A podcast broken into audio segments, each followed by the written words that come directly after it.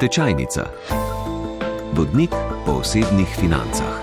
Marija Tečajnica, številka tri že. Pozdravljena. Ja, lepo pozdravljeni. Ja, danes vprašanje nepremičnina kot naložba. Zdaj, recimo v luči prejšnje oddaje, ne, ko smo se pogovarjali o podvajanju ali pa celo popetirjanju vložka, nepremičnina ne sodi v to kategorijo najbrž ne. Ja, nepremičnina je zelo, zelo priljubljena med slovenci kot investicija za naložbo um, in sicer lahko povem, razkrijem nekatere podatke, ki v bistvu nakazujejo tudi to, da je to zelo priljubljena naložba in sicer iz geodetske uprave so nam sporočili, da je 725 tisoč slovencev, ki ima več kot eno nepremičnino v lasti, več kot štiri nepremičnine ima 354 tisoč slovencev. Um, jaz mislim, da tukaj ne gre samo za uh, stanovanje in vikend, vikende, mislim, da so vključene tudi druge nepremičnine, mogoče kakšne gozdovi, um, zemlišča, um, mogoče tudi parkirišča in druge pač nepremičnine. Ja, imaš pa tudi podatek, koliko je nepremičninskih milijonarjev v Sloveniji. Ja. Ne? Uh, nepremičninskih milijonarjev po podatkih geodetske uprave je 806. Od tega jih največ živi v Ljubljani, se pravi 230, sledijo Kran z 48 nepremičninskimi milijonarji, Piran z 31, Šenčur 27, recimo zanimivo Bled, na Bledu jih je le 15, če lahko rečem le, in pa recimo Kranjska gora, ki je tudi zanimiva turistična lokacija, 9. Gre pa za skupno vrednost nepremičnin. Zdaj si nas krasno um, opremila s tole statistiko. Um, Zarja B. Mavec, um, strokovnjakinja za nepremičninsko posredovanje, oddajanje in kar je še povezanega s tem, je danes najne goste. Pozdravljeni.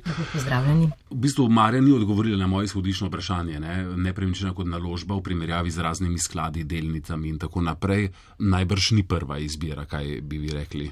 Sprav, vsekakor ne. Uh, če želiš ti investirati oziroma naložiti svoj presežen denar za to, da boš hitro nekaj od njega imel, pa imel neke visoke donose, nepremičnina zagotovo ni prva izbira, kamor boš uh, naložil. Je pa varna in je pač nekaj, na kar smo navajeni v tem slovenskem prostoru nekako rečemo, se s ceglom se naupa nad zgodil. Ne? Tako da nekako je to nekaj varnega, nekaj na dolgi rok, je pa treba vedeti, ko enkrat uložiš denar v nepremičnino, ta denar počiva v njej dalj časa. Tako da je treba zelo dobro tudi premisliti, v kaj investiraš da pač ni vsakič najcenejša nepremičnina tudi dobra naložba. Kdo je tisti, ki bi na mesto v sklad dal denar v nepremičnino? Ja, tisti, ki so mogoče malo bolj konzervativni vlagatelji, ki iščejo tudi morda bolj varne naložbe, čeprav, a je res nepremičnina toliko varna naložba? Če gledamo, gre za dolgoročno investicijo, vezan denar imaš, nepremičnina ni likvidna, ne moreš čez noč prodati, gre vse za bolj take zapletene dolgoročne postopke. In pa seveda ne smemo pozabiti, da ko se je zgodila recesija leta 2008, so cene nepremičnin upadle za 30 odstotkov, dno smo dosegli, mislim, da leta 2014, res pa je, da smo zdaj spet na cenovnem rekordu 2800, mislim, mislim, da je evrov na kvadratni meter rabljenega stanovanja, za novo gradnje pa v bistvu sploh niti ne vemo, koliko stanejo. Po mojih informacijah krepko čez 3000 evrov, 4000 evrov in zdaj sem dobila tudi čisto svežo informacijo od enega od um, gradbincev, investitorjev, da bo ponudil stanovanja novo gradnje po 7000 evrov na kvadratni meter. Zakaj? Ker lahko, ker ni ponudbe. Kakšen mora biti donos, da se. A lahko še mogoče ja. točno to, ja, donos. Zdaj, tako kot smo mi računali, je um, donos um, pač teh um, stanovanskih nepremičnin 3-4 odstoten. Če upoštevamo še inflacijo, sicer je zdaj kar relativno mhm. nizka, 1,3 odstotka, se v bistvu to na dolgi rok nam še v bistvu znižuje. Ne? Če pa pogledamo poslovne nepremičnine, je pa donos uh, bistveno višji, 10 odstotkov, 8 do 10 odstotkov, recimo, um, da lahko dosežeš. Predvsem je treba zdaj definirati, kaj pomeni investicija pa kdo je tukaj investitor. Vsem, jaz vidim tudi naše stranke ali pa na, na trgu, investirajo ljudje svoj presežen denar, veliko to zamejo tudi za to posojilo, uh, zato ker ne vejo, kam bi drugam investirali, ali pa zato, da bojo imeli pasiv, nek pasivni donos, ko bojo v pokoju, ker se pač bojijo, da pokojnin ne bojo imeli. In to je zdaj kar trend, da dejansko ljudje svoje kupujejo manjše nepremičnine, manjše poslovne prostore, garsonjere, mogoče dvosobna stanovanja, niti ne za otroke, ampak zato, da bo to enkrat oddajal, ko bojo v pokoju in ne bojo imeli dovolj visoke pokojnine. Kaj bo takrat, nihče ne ve. Je pa res, da zdaj pač vsi to delajo, tako da treba biti tukaj tudi že malo previden. Ker čim je preveč ljudi ali pa preveč, pač prevelika masa isto vrstnih nekih naložb ali karkoli, potem so donosi seveda nižji. To je v bistvu kupovanje eh, naložbe z vzvodom, če pogledamo na tak način. Ne?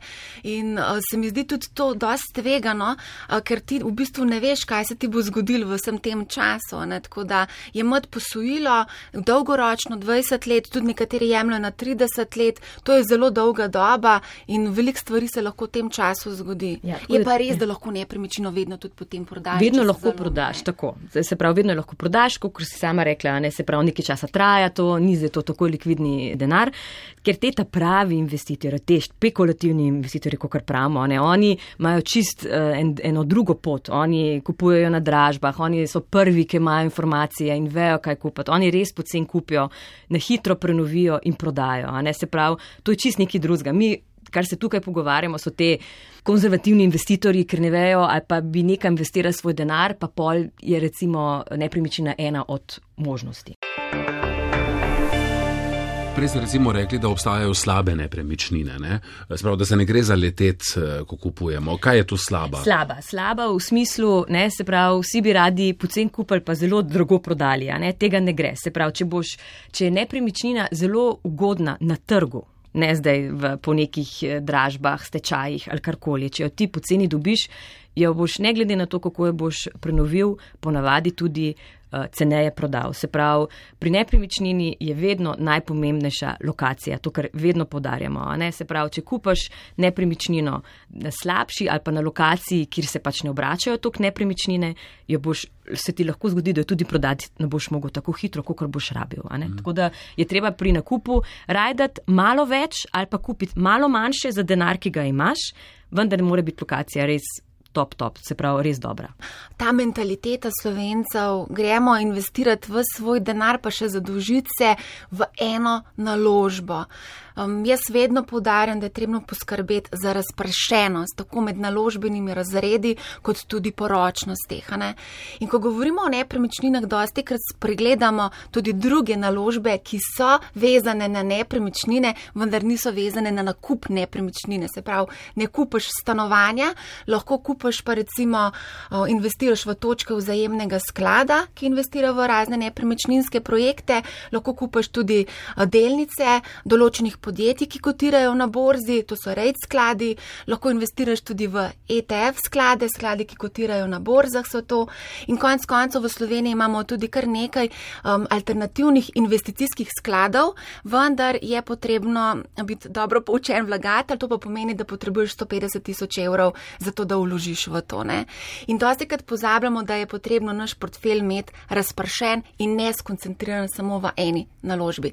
Sam to sem želela povedati, ker recimo v te naložbe druge greš lahko z bistveno manjšimi vložki, tukaj pa dejansko greš z zelo velikim vložkom. Jaz imam občutek, no, da ta povprečni vlagatelj niti nima toliko izkušenj s temi skladi, nekako je zelo mehno zaupanje uh, v te sklade. Ne? Nekak, neko prepričanje je, da skladi, delnice in vse to je pa za nekoga malo bolj izkušenega. Jaz mislim, da zelo veliko ljudi se je opeklo s prvo krizo, s delnicami, ne, ki so kar tudi jemali posojila za to, da so kupovali delnice in potem ostali v minusu.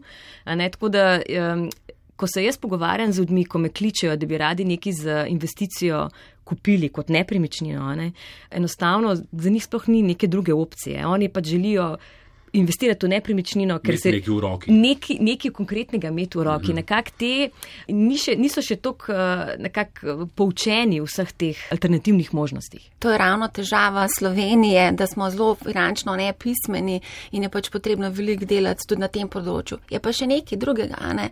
da ti ugotoviš, ali se te splača naložbo v nepremičnino, tudi ni tako enostaven izračun. No, to je moje naslednje vprašanje. No. Ja, v bistvu, ne, ne, večina čez palce reče tako, a ne, raje kot da plačujem najemnino, bom za isti znesek plačeval brok kredita, ne, kar seveda ni res. Uh, zato, ker je treba, se pravi, vsako financiranje, če vzameš, se pravi, če imaš ti stanovanje, ki si ga kupil na kredit, financiranje nekaj stane, obresti so, ne glede na to, a so nizke ali ne, ko jih plačuješ 20 ali 30 let, lahko praktično kupiš eno garsonjero zraven. Mm. Se pravi, potem so davki potem je obnova. Vsaka, vsako eh, nepremičnino je treba vlagati. Ne? Se pravi, ko boš ti čez 20 let odplačal nepremičnino, boš mogel točno še enkrat prenoviti in ponovno vzeti posojilo. Veliko stvari je treba upoštevati, um, davke upoštevati je treba, stroške prenove, upoštevati je treba tudi stroške, ki jih imaš kot lastnik stanovanja, upoštevati je treba tudi izpad najemnine, ker ti nimaš uh, zasedeno kapaciteto 12 mesecev, mogoče imaš 11, 10, mogoče imaš smolo z najemnino najemniki, tukaj treba povdariti, da je najemniški trg. Totalni kaos vlada na najemniškem trgu, najemnine so zbezljale, ponudbenik ni tudi na račun Airbnb-a in tukaj je res izjemno veliko tvegan na strani najemodajalcev. In to se pozablja. No. Premalo se zavedamo tudi, koliko škode ti lahko naredi v stanovanju najemnik. Ne? Se pravi, ne gre samo za neko klasično prenovo, da prebeliš stanovanje, ne vem, zdržuješ razne pohištva in karkoli. Lahko se ti zgodi, da imaš res smolo z najemnikom ne? in tudi tisto varščino, ki jo vzameš, ti ne pokrije mm -hmm. niti tretjine stroškov. Tako da čim se ti ukvarjaš z najemniki, čim delaš to kot neko dejavnost, to za sabo potegne neke tudi nepredvidljive stroške. Ne moreš ti vsega tudi nekako kalkulirati. Ne? Je tudi obraba stanovanja, staro stanovanje, konc koncev. Se pravi, po 20 letih bo toliko več novograden, da ti že avtomatsko cena pade. Že vidimo zdaj ta, to razliko v cenah med, med novogradnjami in starejšimi gradnjami. Ne? Se pravi, tudi stanovanj, kot smo se pogovarjali. Tako da potem po 20 letih imaš ti neko nepremičnino, ki tudi ni več tako aktualna, kot je bila takrat, ki si jo mogoče dražje kupil. Dajmo spregovoriti še malo o sosedih. Sosedi nekateri znajo biti zelo žleht in znajo tudi malce ponagajati tudi uh, lastnikom, spoh tem, ki želijo oddajati preko Airbnb ali pa Bookinga. Takoj, ko pride nek nov lastnik v stanovanje in ne preveri pri uh, drugih stanovalcih, ali se strinjajo s tem, da se oddaja, ima lahko zelo velik problem in tudi to lahko zelo vpliva na konc konca samo donosnost naložbe. Zdaj se najbrž pogovarjamo mm, o oddajanju za turiste turiste, v turistični ja. najem, ne, ki je najbrž tudi bolj donosen. Ne? Ja. Uh, spet odvisno, uh, kje imate stanovanje. Ne, se pravi, v centrih mest, recimo, če govorimo zdaj za Ljubljano, v centru Ljubljane je Airbnb vsekakor bolj donosen, uh, kot je um, dolgoročna najemnina. Samo da skočim takoj, ne glede na to, da se mogoče oddaja za krajše obdobje, kot če bi imel ti recimo najemnike 12 mesecev. V centru Ljubljane niti ni, uh, niti ni to tak problem. Se pravi, če ti to res delaš kot dejavnost in se tega lotaš tako, kot je treba in se s to stvarjo ukvarjaš, že ne delaš to neki za zraven, potem je Ljubljana praktično imate pokrito uh, skozi celo leto ali pa je neka kombinacija mogoče nekih par mesečnih uh, najemov in potem turističnega najema. Obdavčitev je tudi vsekakor pri kratkoročnejšem najemu nižja, že zato je donosnejša. Je pa res, uh, če to se pravi delaš kot dejavnost in imaš teh stanovanj več, uh, moraš delati samo to. Ker čim pa nekoga plačaš, uh, je pa potem izračun verjetno malo drugačen. Še ta teden se mi zdi, da je mogoče oddati pripombe na predlog stanovanskega zakona, ki lahko bistveno spremeni uh, zadeve na tem področju. Tako ne? je. Zdaj predlog novega zakona je, da bi se uh, dejavnost kratkoročnega oddajanja spremenila v poslovno dejavnost, ker so nekako ocenili, da je to moteča dejavnost, da to več ni mirna dejavnost. To pomeni, da bo treba stanovanja, ki se oddajajo prek portalov, kot so Booking pa Airbnb, spremeniti namennost v poslovno. To pa zahteva 100% soglasje sosedov. In vse več je sosedov, ki se s tem ne strinjajo. Zdaj, jaz mislim, da ni prav, da so sosedi tisti, ki o tem odločajo, ker je tudi tako, da ti dobiš soglasje na tebe kot na lastnika. Se pravi, jaz ga danes lahko imam, prodam stanovanje, novi lasnik ga ne dobi. Se pravi, to je nekaj, s katerim ti lahko tudi sosedje izsiljujejo. In na ta način ti dejavnosti graditi ne moreš. Ne? ne moreš ne kupiti nepremičnine zaradi tega, niti jo prenoviti, niti nekako vedeti, kaj boš lahko s tem stanovanjem delal.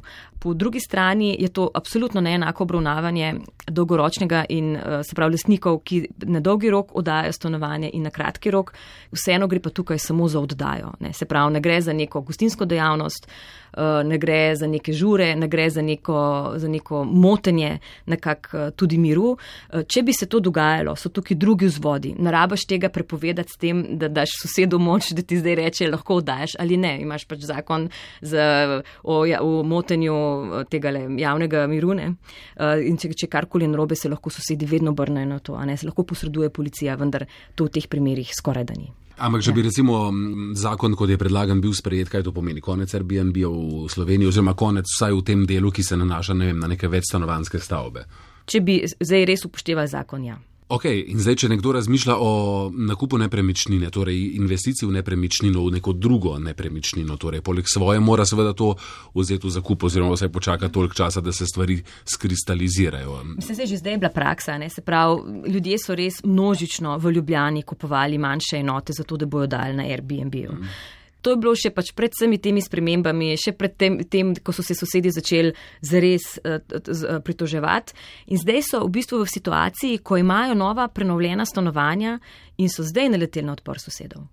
In um, zato jaz vedno rečem, ko delaš, se pravi, če kupuješ stanovanje za investicijo, je to povezano z veliko količino denarja. Moraš ga kupiti tako, da ti ena, ena zakonska sprememba ne zniža vrednosti stanovanja preveč. Veliko krat se pogovarjamo o teh top lokacijah, kot je Ljubljana, pa Bled, Kranska gora, Piran in podobno. Mi smo potem naredili eno raziskavo, ker nas je zanimalo, kje pa je najvišja donosnost dejansko, kje lahko dosežemo na regijski ravni. In smo izračunali, da se najbolj splača kupiti v primorski, dolenski in podravski regiji, najmanj pa v pomorski, zasavski in gorenski regiji. Donosnost, ki smo jo izračunali, neto donosnost, se pravi po vseh stroških in davkih, recimo na primorskem, severna primorska 6,2 odstotka. To se mi zdi že kar solidna donosnost. Če imamo zadaj nekega, ne vem, otroka, unuka, kakorkoli je to dodaten razlog za investicijo v nepremičnino. Ne glede na to, da bo mogoče ta otrok ali pa vnuk, ne vem, šele čez 20-30 let koristil neko nepremičnino. Ja, mi smo ugotovili, ne, ko smo se pogovarjali z bančniki, da je kar precej takšnih nakupov, da v bistvu kupujejo za svoje otroke. Zdaj, aj to dobra ideja, pač to je za vse stvar posameznikov, lahko pa sam to povem, da mogoče pa otrok ne bo želel živeti v tej, tem mene, stanovanju ali hiši. Mene malo spominja na to, ko so mogoče nasi starši ali detki gradili ogromne mm. hiše. 300-400 kvadratov s parcelami tisoč. Ja, tisoč ja. kvadratov, da bo družina tam živela. Jaz ne vem, če je pet odstotkov takih, mm. kjer je družina dejansko živela. In zdaj delamo isto, vendar na malo drugačen način.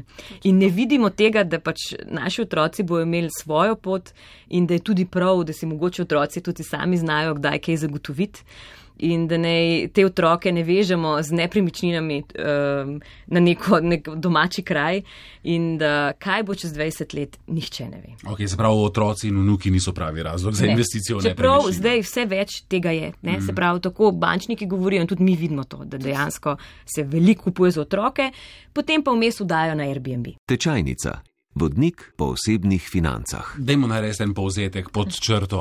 Se pravi, če se nekdo danes odloča oziroma razmišlja o nakupu nepremičnine kot investicije, mora upoštevati. Da gre za izrazito dolgoročne uh, investicije. Tukaj je potrebno upoštevati, da, gre, da kupujemo naložbo za 20-30 let, mogoče celo uh, dlje časa, da gre za manj likvidne naložbe. To moramo upoštevati, da se pač nepremičnino ne da čez noč prodati. Potrebno je povedati, da je zahteva izredno veliko začetnega kapitala, financiranje tudi z uh, vzvodom, se pravi s posojili in pa um, nepremičnine pač predstavljajo v portfelju posameznika prevelik, lahko tudi prevelik uh, delež. Potrebno je pa gledati, razpršiti svoje naložbe, tako po naložbenih razredih, kot še enkrat bom ponovila, in tudi glede na same ročnosti. Se strinjam, absolutno, ampak uh, se pravi, predvsem v Sloveniji je pač to res trend, da vsi investiramo ali pa investirajo po večini v nepremičnino, zato ker to poznajo. Te trendi nas so nas že doskrat udarali po glavi oziroma po žepu, denarnici, tako da se je treba paziti. Trend, tudi takrat smo investirali v balkanske delnice, finance z Forex in razne prevare, ker je bil pač to trend. Skratka, štirikrat premisliti, ne, ni dovolj, da kolega reče, da ima Airbnb stanovanje, pa lepo služi, ne, to ni dovolj. Uh, ni dovolj. Ja. Ampak včasih je dovolj. Ja. Ljudje, ljudje grejo ravno zaradi tega potem v te naložbe. Mm. Zarja Bamavec, hvala lepa za gostovanje v ja, Tešanici. Tebi tudi, Marja, do naslednjega. Z veseljem. Hvala. Tečajnica.